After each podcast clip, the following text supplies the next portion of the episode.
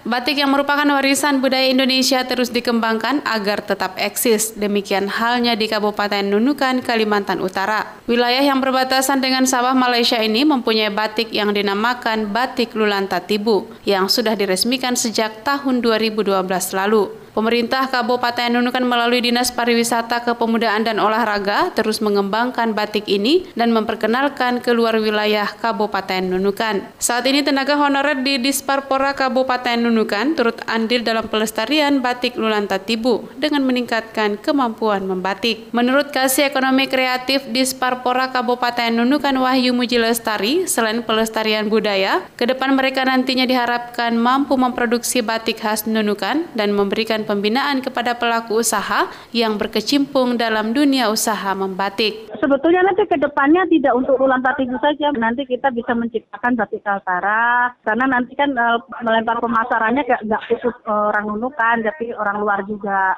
Siap menerima pesanan dari segala uh, segala daerah. Wahyu Menjelestari mengakui pemasaran batik khas Nunukan sudah mulai diekspor ke negara tetangga Malaysia, meskipun dalam jumlah yang terbatas. Dan belakangan ini pengirimannya tidak lancar akibat pandemi COVID-19.